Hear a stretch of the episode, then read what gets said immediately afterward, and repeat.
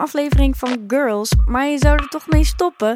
Dat klopt, maar er kwam zoiets leuks op mijn pad dat ik toch besloot nog een bonus aan de reeks te plakken. Het Internationaal Literatuurfestival Utrecht, kortweg ILVU, belde of ik Isa Genini wilde interviewen, een legendarische Marokkaanse filmregisseur. Ik ben Roveda, ik ben muzikant. En Isa, die regisseur, die heeft dus heel veel films gemaakt over traditionele muziekstijlen uit Marokko. En laten dat nou net de stijlen zijn die van invloed zijn geweest op mijn nieuwe album. Nou, dat kan toch geen toeval zijn?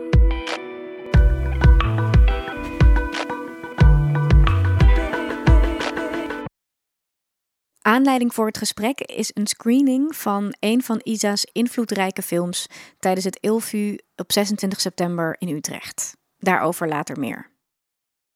Het interview is opgenomen in Tivoli Vredeburg en vond plaats via een videoverbinding met Parijs. Ik zat in mijn eentje aan een grote talkshowtafel in Utrecht en op een gigantisch tv-scherm was Isa te zien vanuit haar knusse kunstenaarsloft tussen de Eiffeltoren en de Arc de Triomphe in. De verbinding is een beetje krakkemikkig, dat hoor je. En je hoort ook wat spelende kinderen op het schoolplein bij Isa voor de deur. Het gesprek is in het Engels. Welcome to this very special live episode of Girls in collaboration with the International Festival of Literature in Utrecht. My guest today is a pioneering woman in Moroccan cinema, Isa Janini is uh, born in Casablanca in 42 and has produced and directed a lot, a lot of films. Uh, she's mostly known for her influential documentaries. And her films, they touch upon themes like diasporic identity and cultural heritage. Uh, and she has a special interest in music.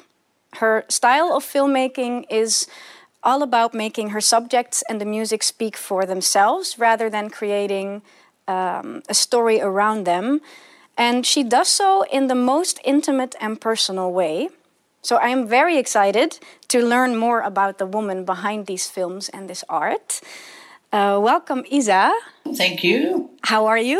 I'm okay, thank you. Where Where are you right now? Now I'm in Paris. I just came back yesterday night from Morocco. And what's uh, what's your story with Paris? Do you live there or? I lived there. When I left Morocco, uh, we came uh, to Paris because part of my family was already here, and we stayed. And that was a long time ago. You were, um, yeah, because you were born in Casa and then moved to France when you were 17. Exactly. Correct. How was life like for a Jewish Moroccan girl coming to France? Leaving your home in Morocco, what was it like?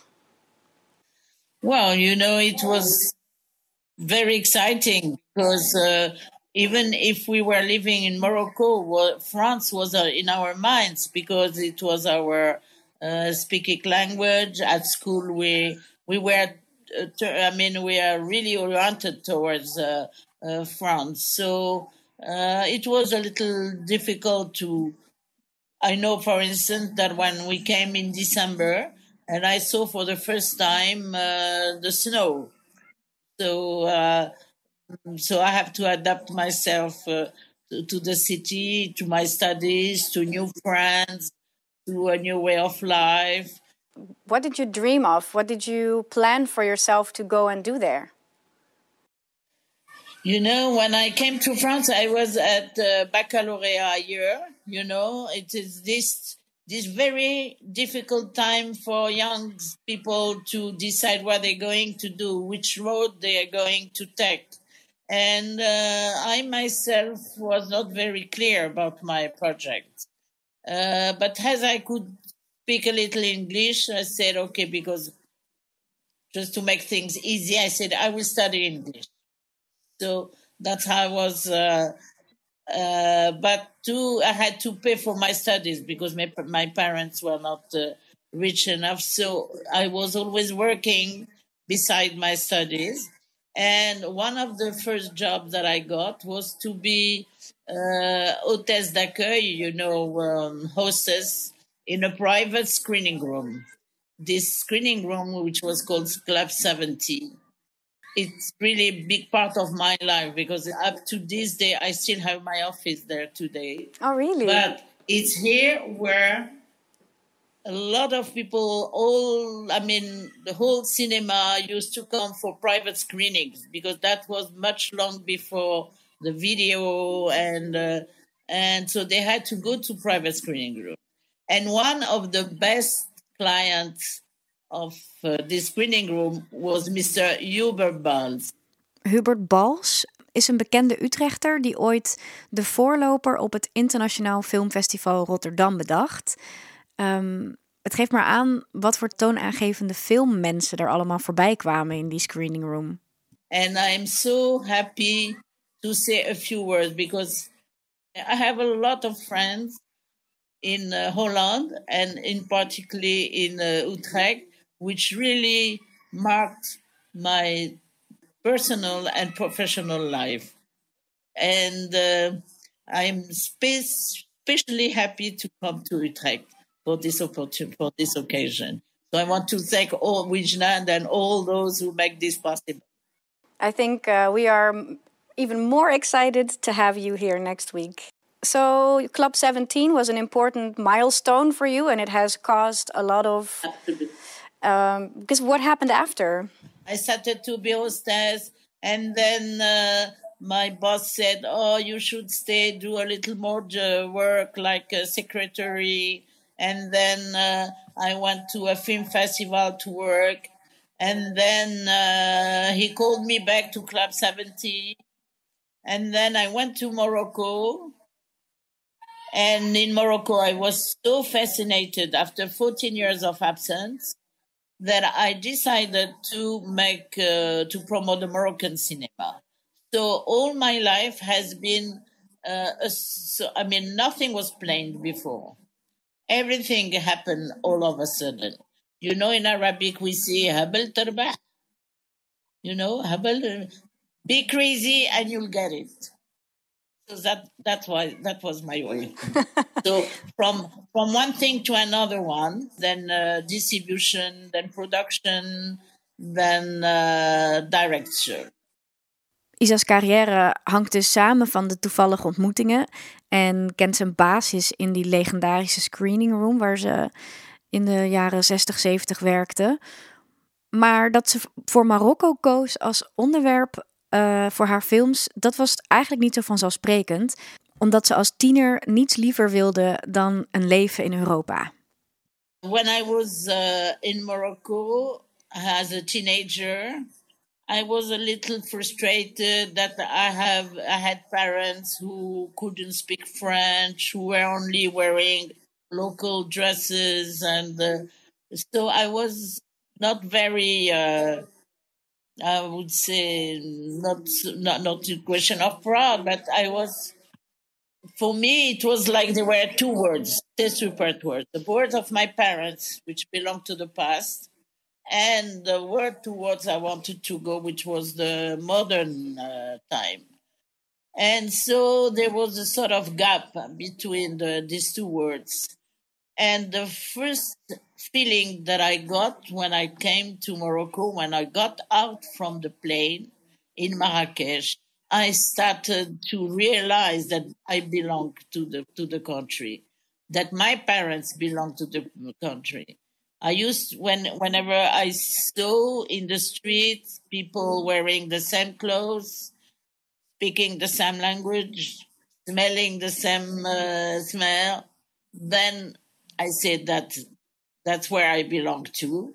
And from this point, I started to really interview my parents about their stories and uh, to to try to find uh, an opportunity to come back. And that's how I decided to distribute Moroccan films. There were very few ones at that time. I didn't even know that the Moroccan cinema could exist. But and, and uh, a sort of miracle made me meet the right people, and that's how I started to promote uh, first some uh, Moroccan directors like uh, Souheil Ben Barka, and and this and, and whatever. Well, I must say, on behalf of the whole diaspora and maybe also for Moroccans in Morocco, thank you so much for doing that because it's our legacy as well to be able to to dive into the into the, the country and and its culture by being able to watch these beautiful films that you made and your colleagues made. Um, such an important thing to to to have. Did your migration background from moving to France did it impact how you experienced Morocco when you went back? When we you're looking for your identity, where you are searching uh, who you are, where you are from, you you cross different steps. So I think I did cross uh, certain steps, like when I uh, when I was in Paris, I was to to feel myself a real French Parisian uh, woman. Then uh, when I when, I came back to Morocco with this passion for Morocco, oh, I said I am Morocco before anything, before being French, before being Jew, before I am Moroccan. And then uh, by time uh, and life and everything, I, I try to integrate what is a Jew because I am Jew by, by my story. So, and then I ask, am I more Jew than Moroccan or am I more Jew than French and Moroccan? And finally, today, with my great age, I can say that I have a good compound of all this. I mean, there is no, it's just a good, uh, a good mixture. And uh, I uh, finally, there is no competition between one or the other. I am totally one and totally the other. محبوب القلب زارني يا مسيا عشراني واصلني لرصام ونكاج مع الرتبان صايل ما بين قرانو سيدي بوجنا من قطار. محبوب قلب زارني يا سياحي واصلني للرصام ونكاج مع الرقبان صايل ما بين قرانو سيدي بوجنا من قطار.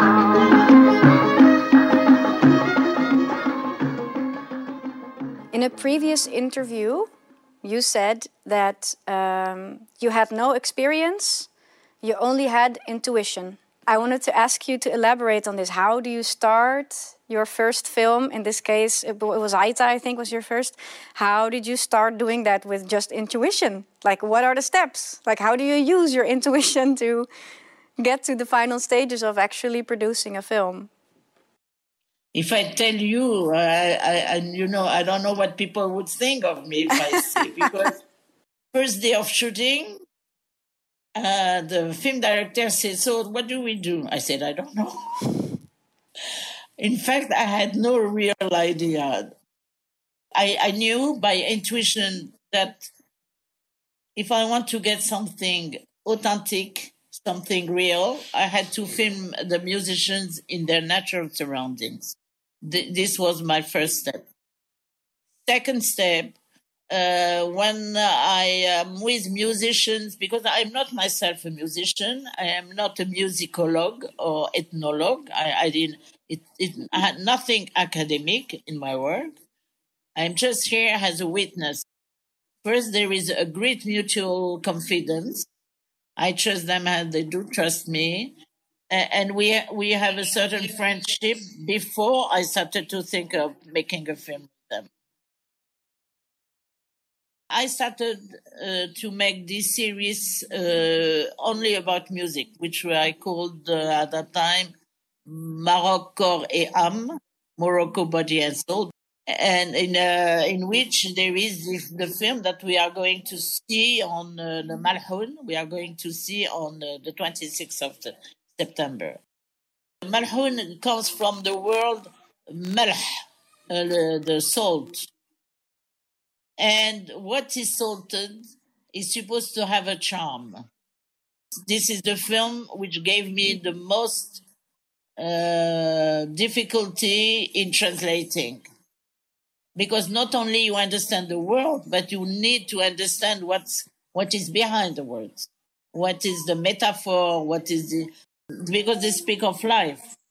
very simple things of life, but with language very uh, poetical. It's about love and about, daily, about love, daily it's things, about, right? Yeah. Uh, it's about wisdom. It's about love. It's about uh, um, every society. For instance, in the film Malhoun, you have a fat woman uh, who is uh, um, laughing at the skinny one. That's one example. قالت الغليظة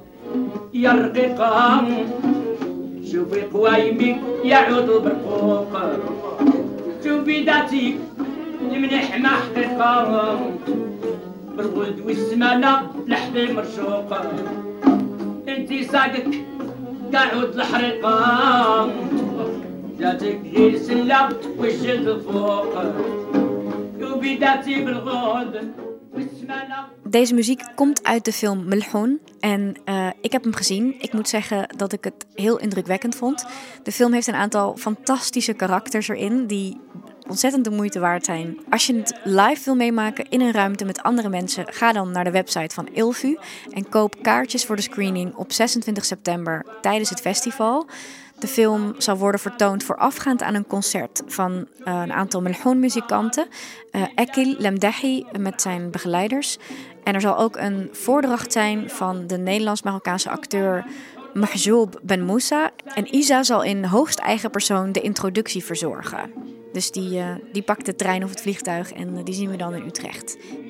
We zijn aan het einde gekomen van deze redelijk spontane bonusaflevering. Ik wil heel graag uh, Ilvu bedanken en de medewerkers van Tivoli Vredeburg voor het mede mogelijk maken van de opname.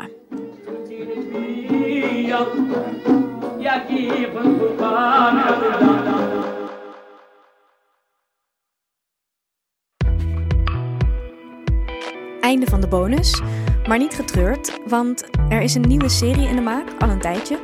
En ik hoop daar komende winter al iets van te kunnen publiceren. Dus bear with me. Blijf in de buurt. Er komen mooie dingen aan. En um, mijn plaat die is dus inmiddels ook af. En ik ben daar stiekem al wat, wat van aan het spelen tijdens concerten. Uh, mocht je benieuwd zijn en zin en tijd hebben, check dan even mijn Instagram voor de, de showdata. Dan kun je misschien uh, wel eens een keer aanschuiven in de zaal. Dat zou leuk zijn. Tot zover voor nu. Ontzettend bedankt voor het luisteren en tot de volgende keer.